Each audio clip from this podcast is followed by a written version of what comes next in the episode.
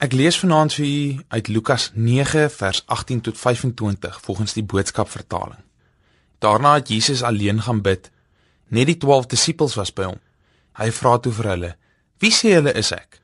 Johannes die Doper het hulle dadelik geantwoord: "Of Elia, ja selfs een van die profete uit die ou dae wat weer lewende geword het." En julle vra Jesus vir hulle: "Wie sê julle is ek?" Petrus het nie 'n oomblik gehuiwer nie. "U is die een wat deur God na ons toe gestuur is." U is die Messias. Julle mag dit vir niemand gaan vertel nie, het Jesus gesê. Ek is die seun van die mens van wie die Bybel praat en ek gaan nog baie swaar kry. Al die godsdienstige leiers van die volk gaan een van die dae rug op my draai. Dan gaan ek doodgemaak word. Maar moenie julle bekommer nie. Ek is sterker as die dood. Ek sal op die 3de dag weer deur God lewendig gemaak word.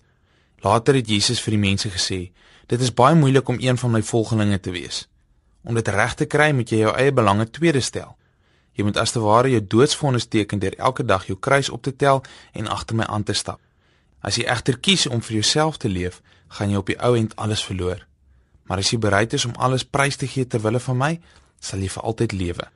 As jy net vir jouself leef, kan jy dalk die hele wêreld aan jou voete hê.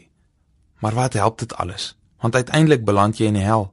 Dan het jy regtig alles verloor vir altyd.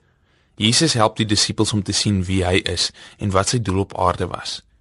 Die disippels het besef dat Jesus deur God gestuur was om 'n verandering in die wêreld te maak. Jesus help hulle egter ook om te verstaan dat dit nie so gebeur op die manier wat hulle sou dink nie. Jesus sou nie 'n weermag bymekaar maak en oorlog voer nie. Jesus sou nie 'n revolusie lei wat die Jode in opstand teen die Romeine sou bring nie. Jesus sou wel 'n revolusie lei en daar sou bloed vergiet word, maar net sy eie. Die revolusie sou nie net teen die Romeine wees nie, maar teen die geestelike leiers van die Jode ook. Die mense se onderdrukking was nie net polities nie, maar geestelik ook. Hulle sou sterf aan die onderdrukking van die politieke magte, maar hulle sou sterf van die geestelike magte ook. Jesus wou hulle daarvan vrymaak deur al die dood waaraan die mense blootgestel was op homself te neem. Die grootste revolusie wat Jesus egter sou uitvoer, was om die dood te oorwin.